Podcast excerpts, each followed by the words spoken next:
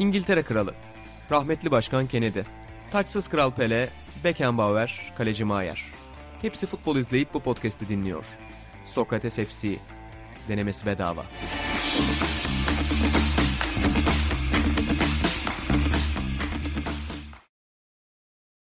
Sokrates FC'den herkese merhabalar. Ben İnan Özdemir, Buğra Balaban ve İlan Özgen'le birlikte sadece gerçeklerin konuşulduğu futbol programımızın yeni bölümüne hoş geldiniz. Bugün geç saatlerde yapıyoruz kaydımızı. Perşembe gecesi bir futbol akşamı oldu Sokrates FC ailesinde de. Sevgili Atahan Altınordu tarih çalışmalarını yaptığı için aramızda değil şu anda. O biraz yalnız kalmak istedi ama biz hem günceli hem tarihi yakalayan bir ekip olarak burada olalım dedik. Hoş geldiniz arkadaşlar. Selamlar. Selamlar. En son atan şey mesajından sonra haber alınmadı. 8 saatliğini grubu sessize alıyorum. Şaka yapacaksanız mention atın. Bundan sonra haber alamadık daha. Ben bir de orada tepki gösterdim baba. Hani Aynen. hem şaka yapacağız hem de sana özel olarak mention mı atacağız diye. Ama Atan böyle günlerde çok o şakacı üslubunu takınmıyor. Biraz gergin oluyor. Kesinlikle. Ve bu sınavı hep yani artık Galatasaray beni heyecanlandırmıyor dediği her haftadan sonra böyle bir sınava tabi tutuluyor hayatı boyunca. Bu ben de bugün çeşitli işte WhatsApp gruplarında lise arkadaşlarımla olan bir grup var. Orada diyordum arkadaşlar maçı izlediniz mi falan. İşte onlar da şey demişler. İnan yine hacı formasını giydi falan. Ya dedim ki işte bana şeyi soruyorlar. Hani sen artık futbol izlemiyordun falan. Ya dedim ki Barcelona ile eşleşilirse futbol izlenir abi. Yani daha önce bunu konuşmuştuk taraftarlık üzerinden. Hani bütün hayatında zaten bir futbol takımını takip etme, bir Avrupa sezonunu takip etme sebeplerinden biri böyle maçlar. Yani ligde ne olursa olsun hiçbir şey insanın şu herhalde Barcelona maçlarının ya da bu tip maçların atmosferinin verdiği keyfi vermiyor. O yüzden hani Galatasaray taraftarı olmak ya da olmamaktan da ayrı güzel bir keyfi vardı. Şu atmosferde maç izlemeyi çok özlemişim. Sadece şeyi özlemediğimi fark ettim ikinci maçın sonunda. Yani top kapmak zorunda olduğunda Barcelona ile oynamak gerçekten eskiden de asabımı bozardı. Ben aynı zamanda bir Real Madrid taraftarı olduğum için uzun yıllar bu konuda çok dertliydim. Yine bu hissi çok özlemediğimi görmüş oldum bu maçta birlikte. Hele ki inan gol atmaya ihtiyaçları yoksa.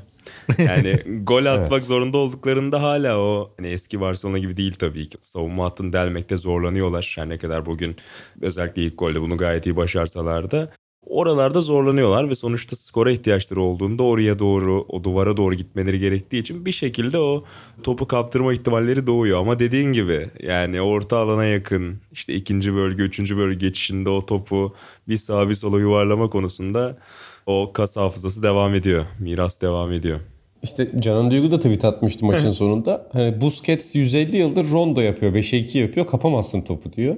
Yani gerçekten sinirim bozuluyor öyle anlarda. Bir de hep insan psikolojisi şey düşünüyor ya işte 86 olur dersin ki ya işte 6 dakika uzatma verse. Gerçi şimdi Atahan olsa muhtemelen uzatmanın dakikasını beğenmezdi. Hani bir 9-10 dakika olması gerektiğini düşünürdü. Abi yani zaman başka türlü ilerliyor Barcelona ile oynarken. Çünkü zaten 10 dakika olsa bile 1 dakika o topu görüyorsun. E, o biraz sinir bozucu ciddi anlamda. Ya bu Atahan Burada hakikaten sen de- bu dakika olayında bir kullansın. Türk Futbol Federasyonu mu kullanacak UEFA mı? Ya bu insanlara şaka gibi geliyor ama o takıntısı cidden muazzam. Kesin yani bu hani 6 dakika diyor ya o hesaplamıştır. Aslında 7.20 dakika uzaması lazım tarzında böyle. Baba haksız mı sence? Bence çok haklı olduğu nadir noktalardan biri. Her zaman haklı benim gözümde hatta. Yani uzaydaki Dünya Kupası yazısından tut da buraya kadar. Yani şöyle basketbol gibi yapsalar hani süreyi de bence geriye doğru falan yapsalar Kesinlikle. e, bu anlamda çözümü bulmuş olurlardı. Yani hani bunun insan tarafını bir kenara bırakabileceğin noktalardan biri bu. Dışarıdayken süreyi durdur. Ben küçükken şeyi anlayamazdım mesela. Hakemler süreyi kendi saatlerinde durduruyorlar ya. Abi niye yoruyorsun hakemi? Yani maçın bir resmi süresi olsun. Durdurulsun işte top taca çıktığında. O zaman bütün sorunlar çözülür zaten. O scoreboard bozulsun, maç dursun böyle şeyler lazım yani. Ya da o, o scoreboard'a dair komplo teorileri çıksın. Öyle bir ne maçıydı unuttum ya. Avrupa'da Real Madrid Euroleague maçıydı. Scoreboard bozuldu. Kapatıp açmışlardı. Çok gülmüştük ekran başında. Yani bunu bir tek Türkiye'de yapılıyor sanıyorduk. Bir kapat açta kendine getirdiler mekanizmayı. Baba her zaman işe yarayan bir noktadır o. Ben Sen de çok bütün kullanırsın. Teknolojik aletlerde kullanıyorum. Bu arada İnanla bütün ilginç. Zoom röportajlarımızda inan yapar bunu. Bir, bir kapatayım baba. Hatta risk almamak için bugün podcast öncesi de modemi bir kapatıp açtı yine. o yüzden e, ne kadar sık başvurduğunu gördük. İlginçtir bu arada Euroleague'de o resmi yol haritası bu arada. Yani 5 dakika içerisinde o sorunun çözülmesi lazım. İşte bir dakikaya kadar işte bakılıyor olmuyorsa bir reset atılıyor falan. 5 dakikaya kadar olmazsa o reset sonucunda da kağıda yazarak hani eski tip istatistik tutularak devam ediliyor falan. O yüzden o bayağı kıtasal bir hükmü olan bir yöntem saati resetlemek. Bura ben Avrupa basketbolunda şeyi de seviyorum. Challenge'da hakemin izlediği şeyi bize göstermek yerine şey yapıyorlar ya Hakemi gösteriyorlar. Hakemin izlediği monitörü gösteriyorlar ve görüntüyü görüyoruz. Abi evet sizin Amerikan mutfakta bile hani görüntüyü görüyoruz ya. Hani o sizin sadece sizi koymuşuz gibi ne gördüğümüz belli değil. Neyse onu bazen böyle salonda falan büyük kübe yansıtmaya başladılar neyse ki. Biraz daha iyi oluyor her geçen yıl ama ya, epey o, geride. o benim için ideal çözüm ya. Yani onu kim düşündüyse helal olsun. Şeyi gösteriyor ya. Bu bir filmdir diyor. Yani hem seyircinin baktığı yeri görüyoruz hem de görüntünün içini görüyoruz. Ya bir sinemasal bir devrim var gerçekten orada. İspanyolları da tebrik etmek istiyorum o görüntülerinden ötürü. Genel maç analizine dönersek Bura, eşleşmenin ilk maçı tabii çok büyük bir güzel bir sürprizdi bizim için. Çünkü e, Galatasaray'ın ne kadar rekabetçi olacağı sorgulanıyordu Barcelona karşısında. İlk maçtan alarak, bugünkü maça da gelerek nasıl bir eşleşme oldu sence? Hani şey klişesine gerçekten sığınmalı mıyız? Birçok insan yazmış. Hani güzel bir vedaydı bu. Güzel bir Avrupa sezonunda güzel bir vedaydı. Doğru mudur? Ya Kur'an'ın çekildiği günkü tepkilerle kıyaslarsan işte Galatasaray'ın ligdeki herhalde en kötü sezonlarından bir tanesi. Tüm bunları ve Barcelona'nın da özellikle son bir ayda epey toparlandığını, işte ikincilik yarışına La Liga'da dahil olduğunu ki sezon başında çok kötü başlamışlardı. Xavi gelene kadar 8. sıra, 7. sıra oralarda gezen Barcelona'da biliyoruz. O yüzden de tamamen ibri öbür tarafa dönmüştü. Ama bir yandan da yani Galatasaray'ın Avrupa maçlarında bu sezon nasıl oynadığını, işte nasıl bir planla iyi sonuçlar aldığını takip edenler için bence biraz daha umut ışığı vardı inan.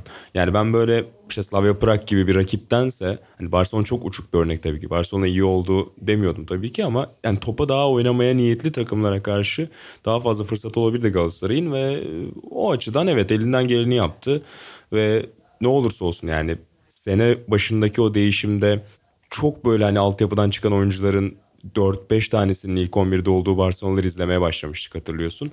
Öyle bir halde de değil Barcelona sonuçta. Yani ne olursa olsun Ferran Torres'i, Frankie de Jong'u, Aubameyang'ı, Adamas'ı hep belli bir seviyenin üzerindeki oyuncularla artık oynuyor Barcelona. O yüzden de hani Barcelona'da Çemiş Gezek Spor gibi bu sezon yorumu da yapmamak lazım. Tüm bunları beraber değerlendirince tabii yani kabul edilebilir bir veda oldu. Birçoklarının beklentisi muhtemelen çok daha farklı geçmesiydi iki maçın. Yalnız şu kuradan sonra yani kura çekildikten sonra az önce söylediğin şeyi atsaydım var ya 40 sene Türk spor medyası da bunu bir efsane olarak anlatırdı. Yani Galatasaray çekebileceği en iyi kurayı çekti. Barcelona. Hani şöyle verecektin duayen gibi. Arkana yaslanacaktın ya, sonra. Kanıtlayamam muhtemelen. Çünkü birkaç arkadaşına konuştum. Yani ah vah yazıp denler vardı ya dedim. Hani boş ver iyi oldu. Yani çünkü kötü bir takım olsa ve ona elensen iyice sezonun gidişatı için çok kötü. Hani varsa olay en kötü elenirsin. Hani e, iyi senaryosu ama sezonu bambaşka bir yere getirir falan demiştim ama muhtemelen kanıtlayamayacağım. Doğru söylüyorsun. İlhan Özgen sen nasıl bir Barcelona gördün? Çünkü sen La Masia'dan çıkmış birisin. Hani Coverciano üstü La Masia'da eğitim aldın. Yani Barcelona futbolunun eksiklerini, gediklerini, artılarını da bilirsin. E, nasıl bir Barcelona, nasıl bir Galatasaray buldun sen? Ya bence en önemlisi yani ben iki takımı da Barcelona'yı avucumun içi gibi bilirim de Galatasaray'ı çok izleyemedim. konu hakkında yorum yapmam yanlış olur ama yani maçı ekran başında izlerken ya da arkadaşlarıma sabahtan beri hep gözlemlediğimde hani insanların o heyecanı özlediğini gördüm. Hani sen de yorumunu yazmışsın ve Kutay Ersöz hemen karşına çıkmış hayrola playofflar mı başladı diye. Cidden o heyecan bölge. hani Türk futbol izleyicisinin o heyecanı özlediğini gördüm. O açıdan zevkli bir maç oldu. Ben aslında normal planımda Atalanta maçını izlemek vardı ama iyi ki de Galatasaray Barcelona maçını da izlemişim. Hatta yani ilk golü attığında bile Galatasaray'ın turu geçebileceğine inanıyordum. Çünkü dediğiniz gibi Barcelona o golü bulana kadar hakikaten yeni Barcelona gibi oynuyor ama o golü bulup avantajı sağladığı anda bunlar Avrupa Şampiyonası'nda da böyleydi hatırlıyorsanız. Yani yok dedik tempoları şöyle yok tempoları böyle adamlar tur geçtikçe o kas hafızasını dediğiniz gibi tekrar şeye sahaya yansıtmaya başladı. O açıdan ondan sonrası Bek tabii çok zor bir göreve girdi ama yani o ilk gol maçın başı o heyecan ben bile özlemişim. Takım tutmayan çok da umurumda olmaz bu işler dediğim insan bile ben de bir o gazı özlemişim yani. Şampiyonlar düşünemiyorum bile. Sözünü kestim İlan. Şampiyonlar Ligi gecelerinin ya da böyle büyük maçların hep ayrı bir önemi var ya. Bu da yani Barcelona'yı sonuçta burada görmeye çok alışık değilsin Avrupa Ligi'nde. Evet, o yüzden bir Şampiyonlar Ligi gecesi etkisi yarattı ve işte dönüp dolaşıp o Süper Lig projesi, Avrupa Süper Lig projesinde neleri kaybedeceğimizin sadece bizim değil, Hırvatistan'ın, işte Ukrayna'nın yani birçok e, tepedeki 5-6 lig dışındaki liglerin ve oradaki futbol severlerin neleri kaybedeceğini iyi hatırlatan bir hafta oldu bence. Ya deplasman golü kuralı bile hatırlattı ya. Ellemeyin kardeşim. Oturtulmuş bazı şeyler işte. Bırakın ya. ha, Barcelona'ya gelirsek şunu söyleyeyim özür dilerim. Bence tarihin en kötü Barcelona'sı. Onu söyleyeyim. Çatladı kapı spor dedi. Çemiş gezek dedi ama yani bence ikisi de yener bu Barcelona'yı. Ben beğenmedim. Sadece bir çocuğu çok beğendim. Herkes göremez belki. Pedri diye o çocuk o bir yerlere gelebilir. Dikkat edilmesi lazım. O ilgimi çekti. Baba sen maçta bana telefon açtın zaten Aynen. dedin ki yani bu Pedri'ye bir dikkat et dedin. Bir şeyler olabilir bu Pedri'de. Kim bu çocuk inan yani, dedim. Baba bilmiyorum. Pedri diye bir çocuk dedi. Bir yerlere gelebilir dedim. İlk maçtan sonra ilk maçtan beri hatta ben gerçek bir yazı olduğunu ikna olmuştum bunun. E, çünkü İlhan Özgen çok güzel bir taklit yaptı orada. E, biz sevgili Hınca oluştan analiz bekliyorduk. Çünkü ilk maç bitti. Ya ilk maçtan sonra herhalde bu podcast'te zaten defalarca konuşmuşuzdur. Tam bir şey atmosferindeydi tur. Yani herkes işte 0-0 orada mutlu olmuş vaziyette Galatasaray'ın gösterdiği direnç, taktiksel anlayış insanların hoşuna gidiyor. İşte ev sahibi olacağız ikinci maçta diye insanlar düşünüyorlar. Tam o aralıkta Galatasaray orada kazanmalıydı diye bir yazı yazılmalıydı önce oluş tarafından. Belki yazılmıştır bizim gözümüzden kaçmıştır. Şey vardı işte Fatih Arkasından Terim olsa gibi, o geldi ya işte Fatih Terim olsa turu orada geçerdi Galatasaray. Aynen öyle Fatih Terim olsa geçerdi ya da şey yorumu gelmeliydi. Tarihin en kötü Barcelona'sı. Bunlar gelecektir diye düşünüyoruz baba. Kesinlikle. Sen de umutluyuz. Önümüzdeki 2-3 günde bakacağız gazetelere. Zaten son yazısında da var Hıncal Usta'nın. Galatasaray'ın G'sini yazmıyorum son günlerde. Dikkat ediyor musunuz? Barcelona ile İstanbul'da rövanşımız var ya yarın Samiyen'de. O maçın sonuna dek susmaya karar verdim. Ben şimdi yazı yazacağım sabaha kadar. Onun için e, bu yazılar köşesini devamlı yenileyeceğim. Merakla bekliyorum. Bu ben eskiden yani internetin ilk dönemlerinde bu arada şeyleri öğrenmiştim. Nasıl bir adammışlıksa hangi gazete kimin hani köşe yazılarını saat kaçta koyuyor. Vay bir ara köşe ya. yazarları bir ara köşe yazarları önemliydi. Neden yani neden tabii, bilmiyorum. Tabii. Hayatımda önemli bir yer kapladıklarını düşünüyordum. İşte radikal kaçta koyuyor, sabah kaçta yeniliyor, milliyet kaçta koyuyor. Onlara böyle kafayı takmıştım. Sabah da eskiden erkenden koyuyordu. Şimdi hala devam ediyorlar mı onu bilmiyorum. E, fakat senin bana yolladığın yazıda şeye çok güldüm. De Türk futboluna dair bir konuyu anlatıyor. Şeye çok taktı son yıllarda. Yerde yatmak, hmm. zaman geçirmek, oyunu durdurmak. Orada önce futbolcuları suçluyor, sonra teknik direktörleri suçluyor, hakemleri suçluyor. En sonunda diyor ki hiçbiri suçlu değil, suçlu medya. Hayda. Dördüncü kuvvet. Ya en sevdiğim format hani ne olursa olsun problemin sonunda medyaya çıkıyor. Bu maçta da medya ve Toronto'ya dair eleştirilerini bence ıskalamayacak. Ki bu konuda hani daha ciddi tarafa tekrar döndüreceğim sizi. Burak sana bir soru soracağım. Bu maç özelinde işte Gomis, Mustafa Muhammed tercihi çok tartışıldı. Yani tabii ki Galatasaray'ın tempo anlamında çok da ağır bir Beşiktaş maçından, sert bir Beşiktaş maçından çıktıktan sonra birazcık yorgun olması normal. Ki biz Avrupa takımlarına karşı bu tempo sorununu hep yaşıyoruz. Yani bütün Türk kulüplerinin bir tempo sorunu var zaten. Bunu bilmek için alim olmaya gerek yok. Hı hı. O tercih maçın başında çok şey yaratır mıydı sence? Çok fark yaratır mıydı? Ya da çok etkili oldu mu sence Gomis tercihi Galatasaray mağlubiyetinde? Ya emin değilim inan çünkü biraz hani sonuç üzerinden yorumlamak olur gibi geliyor bana. Zira Gomis'le de istediği aradığı fırsatı buldu ilk yarıda Galatasaray hatırlıyorsun. Karşı karşıya kaldı. Çekti e, şutu savunmadan döndü Gomis'in. E, yani Muhammed de aşırı patlayıcılığı olan bir oyuncu değil. Yani hani Kerem gibi bir sürate sahip bir oyuncu değil mesela. Hani orada belki Gomis'in yine yüksek toplarda saklayabileceğini düşündü. Bir diğer ihtimal de aklıma gelen inan çünkü oyuncu tipi var çok farklı gelmiyorlar bana. Hem o Beşiktaş maçının yorgunluğuyla Muhammed'i daha ekonomik kullanmak. Belki son yarım saat belki uzatmaya giderse oralarda daha ekonomik kullanmak. Bir de işte Gomis'i yine işte son 20 dakika son yarım saat oyuna sokmaya karar verdiğinizde o maçın uzama ihtimali de hiç az değil artık deplasman kuralı da yokken. Orada muhtemelen Gomis'in o son yarım saatte çok tükeneceğini düşünmüş olabilir gibi geldi bana. Yani orada artı 30 ihtimalini Muhammed'le görmek hocaya daha mantıklı gelmiş olabilir. Ben biraz öyle yorumladım açıkçası. Ama evet yani girdikten sonra pek topu alamadığı için Galatasaray değerlendiremedik. Yani rakip alana bir yerleşme durumu görebilseydik hani Muhammed Gomis kıyasını belki yapabilirdik ama pek kadraja dahi girebildiğini göremedik Muhammed'in ciddi bir pozisyonda. Gerçekten de öyle. Yani dediğimiz gibi o top alma sekansı, top almaya çalışma sekansı hala sinir bozuyor. Barcelona muhtemelen 2050 yılında da bunu yapacak. Her ne kadar aynı kalitede olmasa da La Masia ekolü Çünkü bu konuda aynen. devam ediyor. Şey de güzeldi baba. Yani tam sevgili Murat Kosova'yı da andım ben maçı izlerken. İşte o zaman geçirme, Pique'nin oyundan çıkma kısımları. Yani Felipe Reyes. O kısımlarda hep aklıma Felipe Reyes geldi. E, Çünkü yıllarca yayınlarda anıldı kendisi. Bir de Reyes şimdi tarafsız bir maç anlatılıyorsa ekmeğini taştan çıkaran adam olarak anlatılırdı.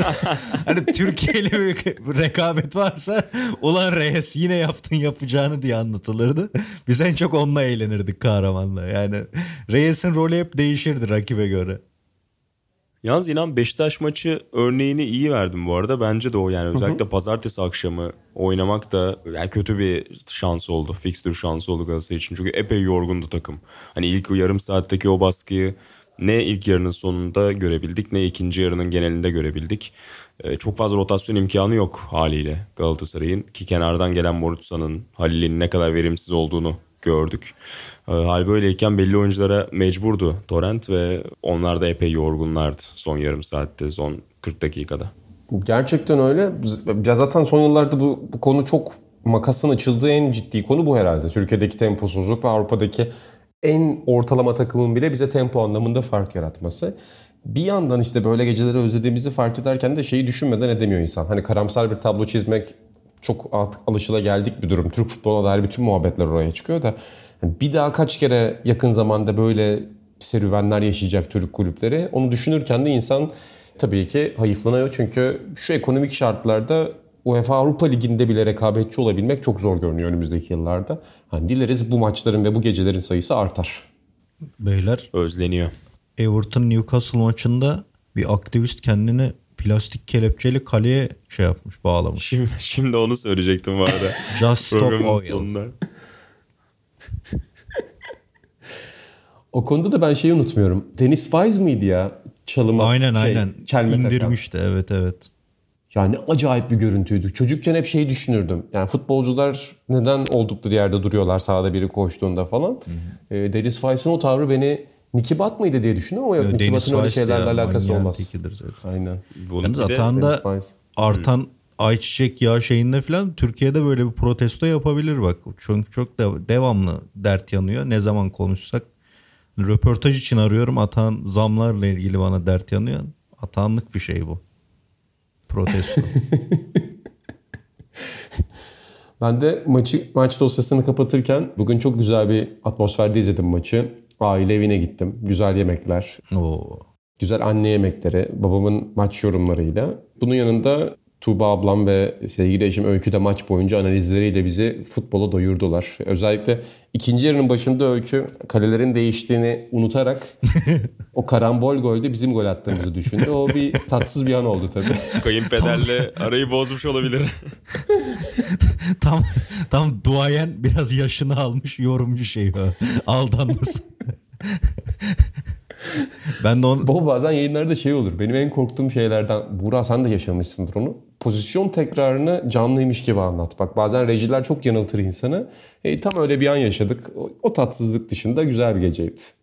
bir ilerisi de şeydir mesela yani De Jong gibi Aubameyang gibi oyuncuları isimlerini bilmediği için 25 numara 21 numara o da yaşlı duayen şeyidir bak. Bar- Barcelona'nın 25 numarası fena bir oyuncu değildi. Genç çocuk ya da baba. Genç adam. işte o da. ya da 28 yaşındaki bir adama genç. Çocukta iş var. Diğer taraftan görüntülü analizlerimize devam ediyoruz. Bu arada Senior ne diyor orada zaten siz bütün eşleşmeleri görüntülü olarak analiz edeceksiniz. Orada taktik tahtanız üzerinde konuşacaksınız hafta sonunda ama yani benim bu hafta Şampiyonlar Ligi'nde tabii ki en çok ilgimi çeken skor e, Juventus Villarreal eşleşmesinin skoruydu. Çünkü Ajax Benfica ile ilgilenmiyorduk. Hatanda olmadığı için Ajax Benfica'nın detaylı analizini yapmayacağız. Ama Benfica satranç masasını devirmiştir. Hani ona dair yorumlarınızı alacağım. Aynen. Bir de Atağının korner diye insanları tuzağa düşürüp sonradan serbest bırakıyor. ben ona çok güldüm evde. Orada öldük. Bir de inan tabii seninle özellikle altını çizdiğimiz o araştırmacı gazetecilik dosyamız da Hollanda'yı biraz sarsmış belli ki. Hiç kendinde görünmedi rövanşta Ajax. Senle burada Overmars üzerinden neler döndüğünü konuşmuştuk. Birkaç bölüm önce kulüpte. Aynen öyle. Belli Yani ki Ajax'ın sarsılmış biz- kulüp. Muhtemelen Ajax'ın içindeki o psikolojiyi, o ruhu ortalığa dökünce onların planı ortaya çıktıktan sonra o oyunu sergileyemediler. Yani İlhan Özgen'in de dediği gibi Ajax taraftarı da Türkiye'deki Ajax taraftarı da yani Atahan Altınordu da öyle yanıltıcı yorumlar yapıyor ki ben maçı izlemedim. Kornerden gol yendi sanıyorum. Sonra korner olmadığı yönünde bir haber geldi. Yani böyle olmaz. Aynen öyle. Yani Fakat yani Juventus Villarreal eşleşmesi hem hani Juventus özelinde hem de Villarreal özelinde çok ilgi çekiciydi. İlhan Özgen senden yorum alacağım. Yani İtalya futbolunda bir deprem var mı şu anda? İtalyanlar ne diyor bu duruma? Yani İtalyanlar Inter şokunu biraz atlatamadı bence. Juventus'tan zaten İtalyan futbolunu takip eden birinin beklentisi olmaması lazım. Ben de maçı izlemeye oturduğumda ilk yarıyı nasıl öyle kapadılar ona hayret etmiştim zaten. Villarreal'in turu geçeceğinden biraz emin gibiydim. Zaten biraz da Dani Parejo'yu hani İspanya Ligi'ni takip etmediğim için çok fazla böyle Avrupa'da Parejo'ya denk geldim onu izlemek için izliyorum. Aç- Açıkça amacım da oydu yani. Dani Parejo'yu izleyeyim bir özlem gidereyim ilk maçtan sonra diye. Juventus'un çünkü Ben zaten ben zaten kadroya bakınca direkt ona baktım. Hani iki yönlü ilgimi çekti dediğim noktalardan biri o. Ben Dani Para'nın hala Villarreal'de olduğunu bilmiyordum tabii ki. Ama senin ne kadar ilgilendiğini biliyorum. O yüzden tam dedim İlhan Özgen'in keyifleneceği bir maç. Tabii yoksa Rugani ve Deşilio, Rabiot'un olduğu bir kadroyla Şampiyonlar Ligi'nde tur atlama bir zahmet son 16, son 16'da yani. E, Zaten Rugani'nin de bomba bir müdahalesiyle avantajı direkt Villarreal'e verdiler. Sorma ya. Son birkaç yılda zaten hani başaltı takımlar tarafından eleniyorlar. Tam ona dair bir takip sorusu soracaktım. İşte Porto, Ajax, Lyon ve Villarreal. Hani bir deve takılmadı. Juventus ama son 4 senedir hayal kırıklığı var ki işte öncesinde 2015 finali o dönem işte 3 seneye sığdırdıkları iki final ve sonrasında artık o kupa için işte özellikle Ronaldo hamlesi hep o artık son adım için denirken aksine önce patinaj yapıp sonra sanki geriye gitmeye başladı Juventus. Evet hatta o dediğin Ronaldo hamlesinin birkaç senesi bence daha büyük şoktu bundan. Çünkü burada Juventus biliyorsun şu anda ligde sonuç almak için oynuyor. Allegri de bunu söylüyor. İyi oynadığımızı iddia etmiyorum diyor. Şu an bu yapılanmadan olabildiğince iyi bir şekilde çıkmaya çalışıyorlar ama yani Avrupa'daki o, o hayalden bence uzaklaşalı iki sene falan oluyor. Yani geçen sene de uzaktılar ondan bence sahada onu görüyordun. Bu sene de dediğim gibi yani daha defansın orta sahanın bir şekillenmesi gerekirken bu sonuç normal benim için. Benim için şok diğer tarafta oldu. Atalanta'da bence başın bir altında böyle eskiden öyle takımlar olurdu ya UEFA yani Sevilla bile öyle takım işte. Yani UEFA kupası takımı tam oranın takımı. Oradaki gidişini ilgiyle takip edeceğim. Ama ben İtalyanların kupa 1'de Inter'inin hatta alay etmişler. Öyle bir çocuk bir tweet atmış da Inter İtalyanları Avrupa'da gururlandırabilecek tek takımdı diye biraz makara yapmış Milanlılar onunla. Öyle görüyordum zaten. Hani Milan'dan da Juventus'tan da öyle bir beklentim yoktu benim. Çünkü buralar Skor yine artık de çok dramatik. Yani biraz tabii kısa süre içinde yediler e, onları iki ama- penaltı falan var ama yani Aslında pozisyonları da var Juventus'un yani. Var İşte. Rabiot'un bir iki denemesi var. Yine çok kötü tercihler. Hani pası düşünse muhtemelen daha iyi olacak ama şutu deniyor baba. Vlahovic'in bir iki tane şutunu yine kaleciye takılıyor. Var fırsatlar ama sonrasında çok çabuk dağılıyorlar ya. Yani Juventus gibi hani o büyük kulüp geleneğinden kolay kolay dağılmalar epey tuhaf. Birkaç sezonun da hikayesi oldu bu ve hani Agnelli'nin Avrupa Süper Ligi'nin birincil savunucularından, proje sahiplerinden biri olduğunu düşünürsek biraz da ironik oldu. Yani hep o başaltı takımlara elenmeleri son 3-4 yılda ilahi adalet gibi oldu biraz. kesinlikle. Ama bu hafta Juventus lobisi İlhan Özgen'i arkasına almaya çalışmış gördüğüm kadarıyla. Sokrates hesabından Agnelli hanedanı üzerine yazdığı yazıyı paylaşmışlar. Hani hangi eller paylaştı tabii sorgulanabilir ama orada bir Juventus taraftarına bir birlik çağrısı var gibi gördüm ben. Aynen gelin birlik olalım. Ülke puanı önemli ama o çağrıda bir köşeye itildi. Hani bir İtalya var, bir Juventus var. evet kötü günlerimiz olmuş olabilir ama bu camia senin arkada ki hani İtalya'da Hani hiç bir İtalya var denilebilecek bir ülke değil her kadar. Sürekli bölgesel baktıkları için ama en azından Şampiyonlar Ligi'nde ülke puanında birleştiler senin söylediğin gibi. E, Burak senin ekleyeceklerin var mı burada? Yani ben açıkçası bir İtalyan yazar olsam şu anda La Gazzetta dello Sport'ta e, Vlahovic ile ilgili hemen şey yazarım. Gönderin bu adamı burada. Juventus tarihinin en kötü transferi. Tarihin en Hiç kötü maçı Villarreal'ini almayacaksan. yenemediniz. E, aynen öyle. Bana bu maçı almayacaksan transferinin bir anlamı yok. Kendi liginde 7. olan Villarreal'i yenemiyor. Vah benim Juventus'uma. Uzunca bir manşet. Yakışabilirdi. Şey vardır bir de beyler özür dilerim. Arkasına teneke bağlanarak kovulan Unai Emery'nin takımı. O teneke bağlanma kalıbı vardır. Onu çok severim. Paris Saint Germain'de kimi yollasa adamlar hayatının dönemini yaşıyor yani sonra. Ya Emery de hakikaten yani Arsenal macerası da biraz tatsız bitti. Onun dışında ama her çalıştığı takımda böyle büyük skorları, böyle çelme taktığı şeyler var. İşte Şampiyonlar Ligi grubunda da az önce de İlhan biraz çıtlattı. Atalanta'yı 6 almışlardı. Orada geçtiler. Evet. Sonrasında burada şimdi Juventus'a bir çelme. Zaten UEFA Avrupa Ligi'nin e, sefiri diyebiliriz Emery'e. İşte Arsenal'la da final oynadığı öncesinde kazanmışlıkları var. Burada da Şampiyonlar Ligi'nde bakalım nereye kadar devam edecek. Ya bu adam hayatı boyunca İspanya'nın bu üstün bir altı takımlarını yönetsin hep başarılı olur ya. Adamın stili o yani. Orada İki uçar. senede bu. bir kupa 2 gelir. Aynen. Mesela buradan da Deportivo'ya gitsin. Beni dinlesin. Bu podcast'ı dinlesin. İspanyolca da çevirebiliriz. Oradan orayı da uçurur. Bu adamın ruhu bu. Bulaşmayacağım Paris Saint Germain falan. Bırak başkası uğraşsın orayla. Bu adamın ruhu demişken de hani mesela bu sezon hiç futbol izleyemeyen birine şeyi sorsak bu hafta Manchester United'la Atletico Madrid ikinci maçını oynadılar serinin. Yani eşleşmenin. Kaç kaç bitmiştir diye sorsak vereceği bir skor var. Atletico Madrid de yine o skoru aldı. Kesinlikle. Yani Diego Simeone de 2-1 ile geçti bu eşleşmeyi. Tabii ki Manchester United'ın Manchester United olmadığı çok açık. Tarihin en Onlar da kendi United. kimliklerini kazanmaya çalışıyorlar. Tarihin en kötü Manchester United'ı. Ama yani Diego Simeone'nin de bu olayına herhalde tarihçiler böyle bir 15-20 sene sonra bakıp ya bu nasıl bir serüven diyecekler. Ve inan bütün zaferlerden sonra da bir gündem yaratan bir gerginliği oluyor adamın yani. Böyle de bir adam. Gene bir şeyler yaşamış yani. Yok içeri koştum da şu da bu da. Yani Ya başka bir takımda çok merak ediyorum ya. Yani bir yandan böyle 20 sene boyunca hep orada insanları hayattan bezdirsin istiyorum ama bir yandan da acaba başka yerde ne olur? Daha fazlası olur mu yoksa burayla olan o bütünleşmenin istikrarında mı aslında sonucu merak ediyorum açıkçası. Orada da maçın ben sonradan izleyebildim geniş bir özetini de.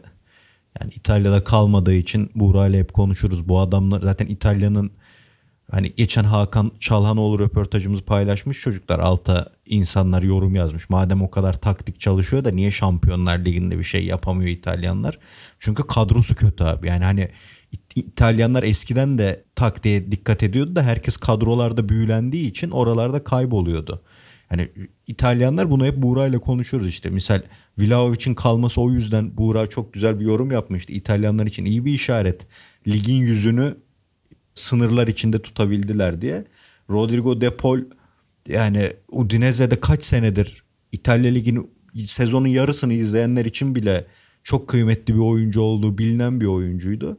Yani daha çok büyükler gelmeden Atletico Madrid bile çekip aldı Milan'ın elinden. Hatta Inter'e gidecek konuşuluyordu filan. Bu yönden aslında bu güçsüzlüğünü, o ağırlığının olmayışını buradan çok iyi anlayabiliyoruz. Gene millet bayılmış zaten ben de maçı izleyince ki şey yazın da Copa Amerika'da önemli oyunculardan biriydi. O yüzden bir hayıflandım yine yani. Bir Milan'da aradığı oyunculardan biriydi Milan'ın aslında yani tam da. Bu arada baba sen bahsettin hani dergimiz çıktığında zaten reklamını yapmıştık ama Hakan Çalhanoğlu ile konuşmaktan da çok keyif aldığını hatırlıyorum ofiste. Gerçekten çok da güzel bir röportaj çıktı ortaya. Hani hem İtalya Ligi'nin içinden tabii ki bu kadar büyük takımda oynamış bir oyuncu hem de oyuncular taktiğe meraklı olduğunda onlarla konuşmak herhalde çok daha eğlenceli oluyor değil mi? Aynen. Inzaghi'ye de ufak tüyolar verdik ama bakalım bekliyoruz. Hani şunu yapsa iyi olur. Üç, üçlüye dönüyorsunuz ama dörtlüye de geçebilirsiniz arada filan bir şeyler dedim. Atahan'la Hacı'nın şey konuşması gibi.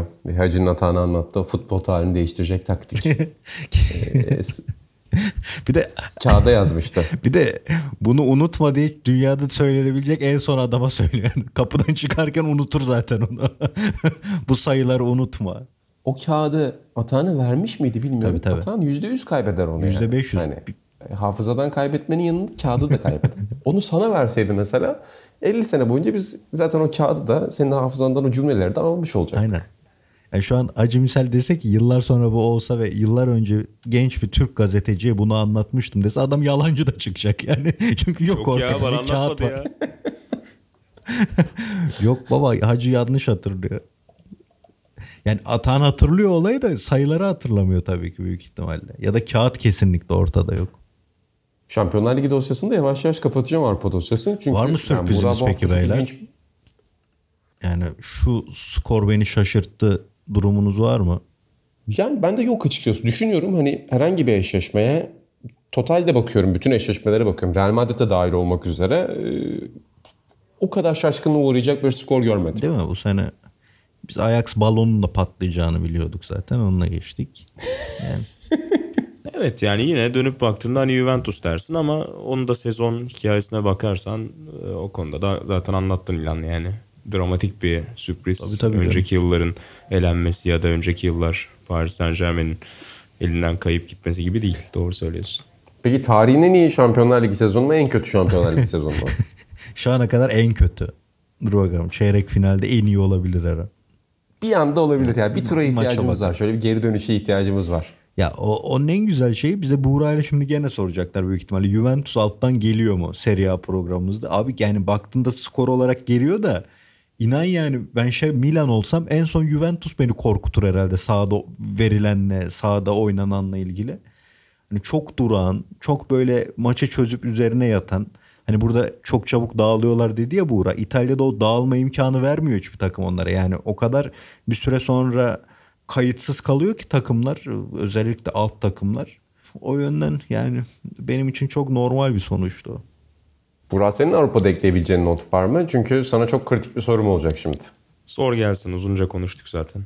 Evet yani şunu soracağım. Şimdi az önce WhatsApp grubunda da konuşuyorduk. Yani konuları konuşurken sen dedin ki ben bu hafta benim için en büyük maç Arsenal Liverpool maçıydı dedin. Ve hani orada seyircilerimize de şunu göstermiş oldun. Premier Lig benim için Şampiyonlar Ligi'nden öncedir demiş oldun. E, bu konudaki öncelikli görüşlerini almak isterim. PL, ŞL'den büyüktür.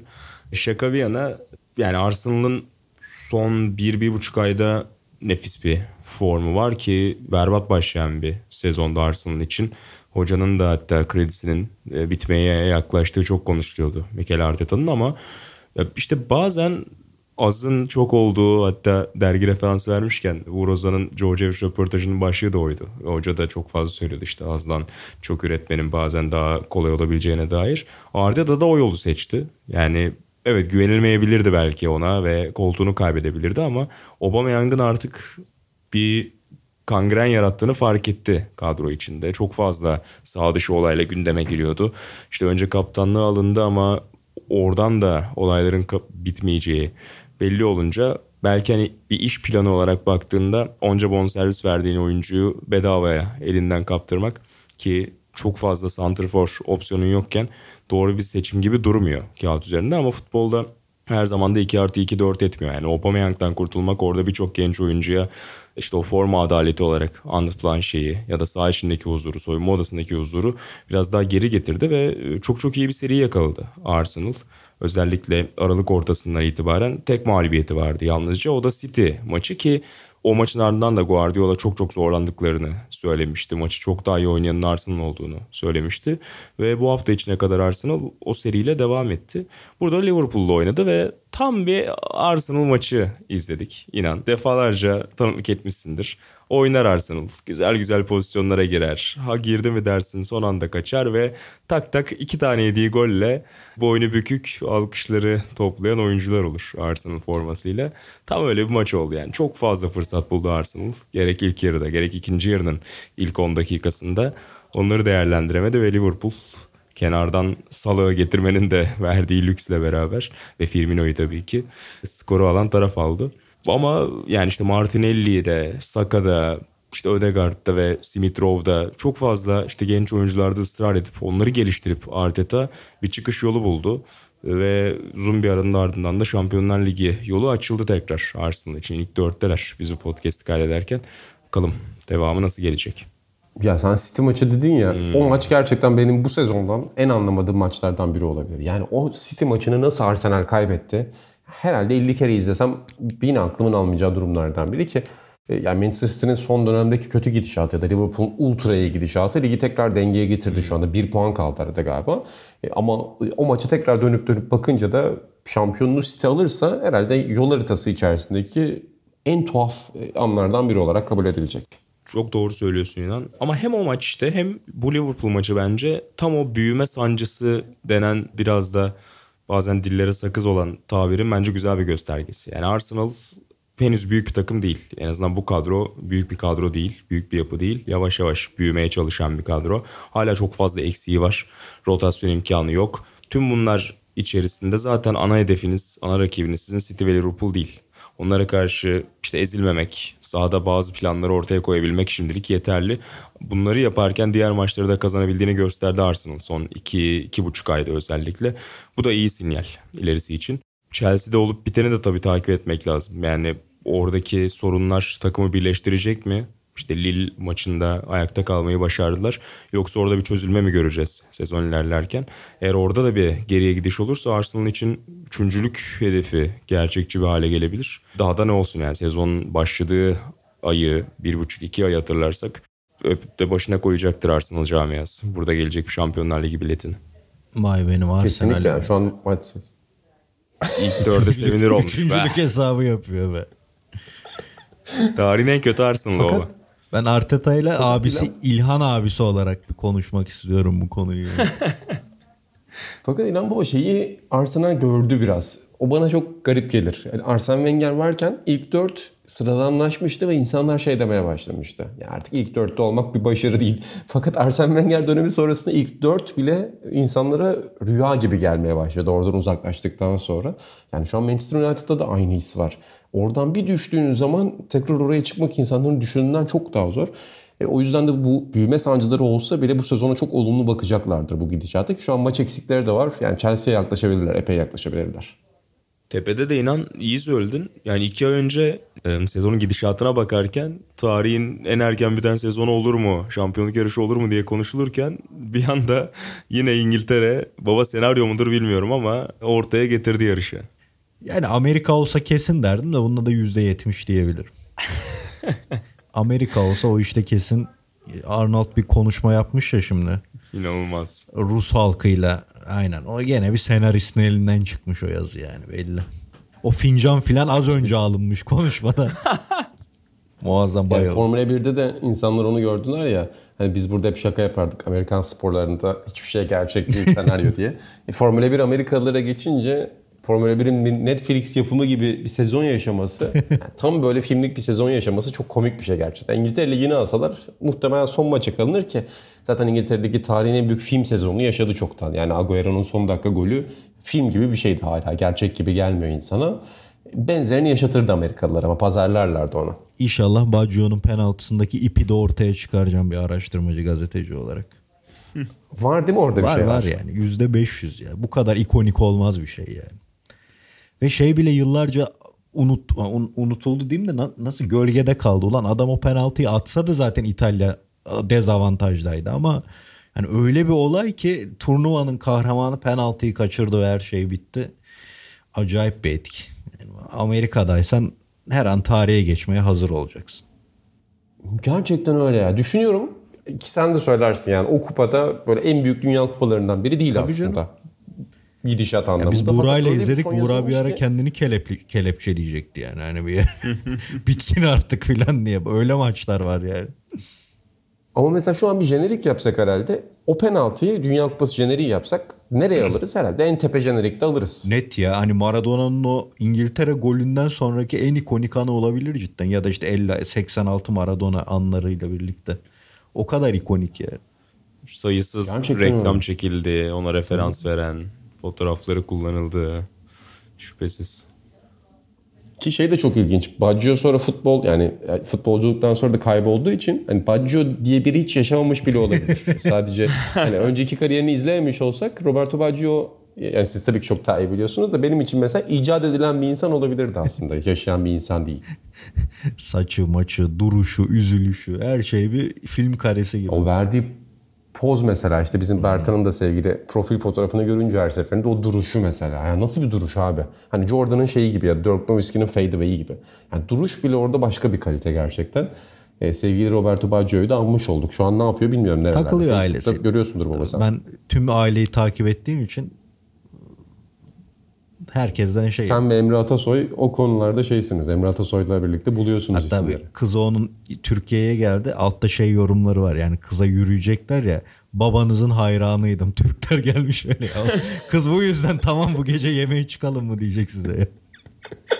Yapmayın bunu çocuklar. Evet ya daha iyi yolları var Yani kesinlikle bunun. hatandan öğrenebilirsiniz. Şimdi olsaydı yok ya öyle şey olur mu baba derdi böyle ama şeyler yapma. Atahan'la da acayip bir röportaj serüvenimiz var. Noktalanınca burada anlatacağız yine yani. Gene Evet, acayip bir yani, işe girdik. e, peşindesiniz yine. Evet. Ee, Yani kendisi bile yanlış adamı aradığımız inşallah öyle olur baba güleriz dedi. Yani kendi ağzıyla söyledi. Onun öyle var biliyorsunuz çünkü hani Hayrettin diye numara verip berber çıkması filan. Burada da gene benzer şeyler yaşadık ve Atahan'ın o benim çok sevdiğim bir röportaj için telefon ettiğinde önce dergiye tanıtma safhası vardır. Acayip tecrübedir, yaşayan bilir. Gene onu yaşadık. Onun için bekliyorum noktalanmasını anlatmak için. Bu ben de isim vermeyeceğim. Spoiler vermeyeyim şimdi olmaz mı olmaz ama yani bir futbol efsanesi. Fakat sen bu bir futbol efsanesi mi yoksa aynı isimde bir kebapçının numarasını mı aradınız? Ee, sorusunu haklı olarak soruyorsun. Geçmişten kalan tecrübeler nedeniyle. Yani her an siz bir kebapçıyla da röportaj yapabilirsiniz. Ee, o futbolcu olmayabilir. Kesinlikle. Onu netleştirdik gibi ama bakalım olsun. Gene de Atahan da o ikinci ihtimali de istiyor. Baba çok güleriz diyor. Artık o, yani o gülmeyi istiyor da özlemiş. Ha, ikinci bir senior ve röportaj özel programı yapılır. Zaten orada herkes Atahan'la e, tecrübelerini anlatmalı. Yani senin de var ve şeyi unutmuşuz. Atahan'ın o klasik sorusudur. Her röportaj bittiğinde röportaj yaptığın insanla ilgili yorum yap, yapmanı ister. Ne diyorsun? Nasıl buldun filan diye. Sevdin, Sevdin mi? mi? Aynen. Öyle sonra. Herkes anlatmalı orada şeyi dönemi.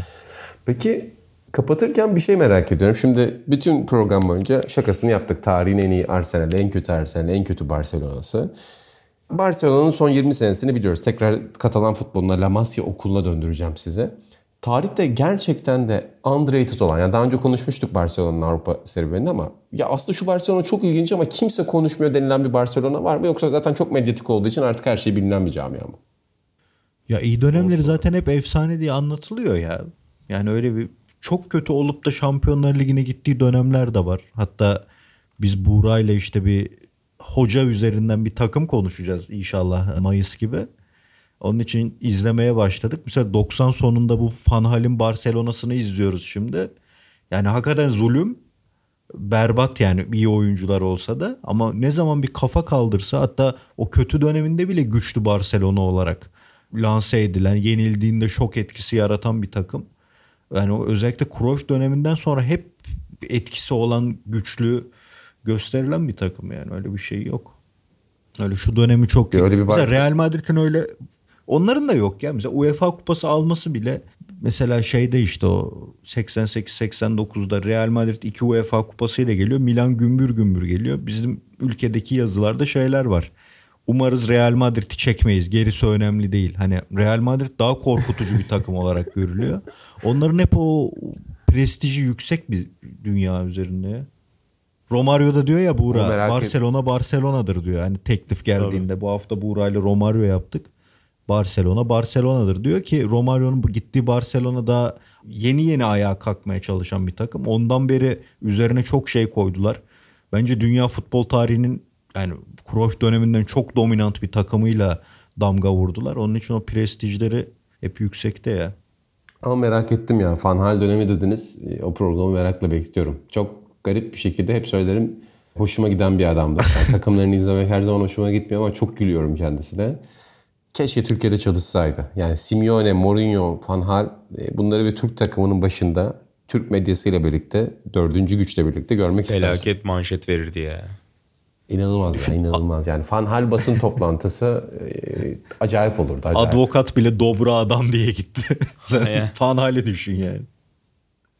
Yani baba Kemal Belgin'le Fanhal'i bir odaya sok. O odadan manşet çıkmama imkanı yok. ya. Bayern Münih'te şey var ya işte hani ne kadar sağlam olduğunu göstermek için donunu indirmesi. istediğim oyuncuyu keserim çünkü bu taşak bende var diye donunu indirmesi. Düşünsene Türkiye'de yaptığını eyvah. Bir kere tarihin en korkak antrenörü diye gelir hemen. Bu mu cesaret? Sen korkaksın. Kesin. Bu hoca bu ligde üçlü oynanmaz. Öyle bir tepki de alabilir. Kapatırken İlan'ın gerçek bir gazetecilik örneği olarak sunduğu canlı yayın Newcastle Everton gelişmesine dair de yaklaşık 14 dakikalık bir uzatma verilmiş baba. Üstada 10, 10 dakika çözememişler direkten. Merak eden dinleyicilerimize de paylaşmış oldum. Zaten önümüzdeki dönemde öyle fikirlerimiz de var. Yani bugün de canlı görüntülü analizler yapacağız Sokrates FC'de. Çünkü futbolun gerçeklerini konuştuğumuzu söylemiştik burada. E, İngiltere'de bir şampiyonluk yarışı olur. İtalya'da Juventus döner. Çünkü Serie A geri döndü. Almanya'da çelme takacak bir takım olur. Sezon sonunda da canlı programlarımızda buradayız. Çok teşekkür ediyorum size. Signor'da bu hafta e, Romario mu izleyeceğiz? Kimi İnşallah izliyoruz? Romario. Romario'nun görülmeyen golleri. Underrated bir oyuncudur. Romario'yu da çocukken hiç sevmezdim Romario'yu. O yüzden heyecanla izleyeceğim. 1002 golünden itinayla seçtik sizler için. Peki 1002 tanesini izlediniz mi? Yani olanların hepsini 800 tane falan izledik değil mi Buğra? Evet 700 üstü izledik 700-800 arası. Kalanları da Buğra biraz baba bunları mahalle maçında atmış olabilir diyor. Biliyorsun Brezilya Ligi'ndeki o durumu. Zaten resmi kayıtlarda Zaten ben yok. o, ben o kayıtları ölüyorum zaten. İşte eskiden Pele ile ilgili falan da yazılırdı ya işte futbol tarihinin en çok gol atan oyuncuları. Messi Pele'ye 400 kaldı falan. Hani NBA'de falan şeyi biliyorsun. Kayıt tutulmuş ki orada bile sağlıklı olmayan noktaları var ama kayıt tutulmuş kim ne atmış biliyorsun. E, futbolda biraz sanki karambole gidiyor bazı şeyler. Yani biraz yuvarlanıyor gibi hissediyorum bazı oyuncularda. Yani bir de işte Buğra'yla da konuştuk. O Brezilya'daki e, 70'lere kadar 80'lere kadar olan ki o bir ton lig karma karışık yani mahalle ligler ayrı, konfederasyon ligleri ayrı, bir ton böyle saçma sapan turnuvalar, özellikler var. Onun için orada sağlıklı bir kayıt olması imkansız. Yani Brezilya'da şu an bile sağlıklı kayıt yok deseler inanırız. Onun için yani bence de bir sıkıntı vardır. Zaten biliyorsunuz ben Pelin'in habire bin gol attım demesine de kızıyorum da. Esas ne meselen o değil baba senin. Sen futbolda daha büyük devrimler yapmışsın. Takmış bin golü. Allah'ım yarabbim. Ama Romario'yu da keyifli izleyeceğiz. Diğer taraftan o efsaneyle olan röportajı da bekliyoruz merakla. Aynen. Bu gelişmelerden Sokrates FC dinleyicisini de haberdar edeceğiz. Sokratesdergi.com'dan yazılarımızı okuyabilirsiniz. Röportajlarımızı Hakan Çağlanoğlu'ndan bahsettik. Dolu dolu bir sayı var piyasada şu anda. E, bitmeden edinebilirsiniz. Piyasada edinemediyseniz sitemize üye olun. Sitemizden dergimizi okuyun. Yine dükkan.sokratesdergi.com'dan tekil sayılarımızı alabilirsiniz. Sokratesdergi.com'dan abone olabilirsiniz. Abone olmak bizim için en mantıklısı. Özellikle FC dinleyicilerinden dergimize abone olmayanlar varsa e, onların da listesini alacağız. Teessüflerimizi bildirmek adına. E, deyip biz de programımızı kapatalım. Ben İnan Özdemir, İlhan Özgen ve Burak Balaban'la birlikte futbolun nabzını tuttuk. Tarihin en iyi ve en kötü takımlarını konuştuk. Böyle heyecanları özlediğimizi söylemiştik. Yeni bölümlerde, yeni heyecanlarda görüşmek üzere. Hoşçakalın diyelim. Hoşçakalın.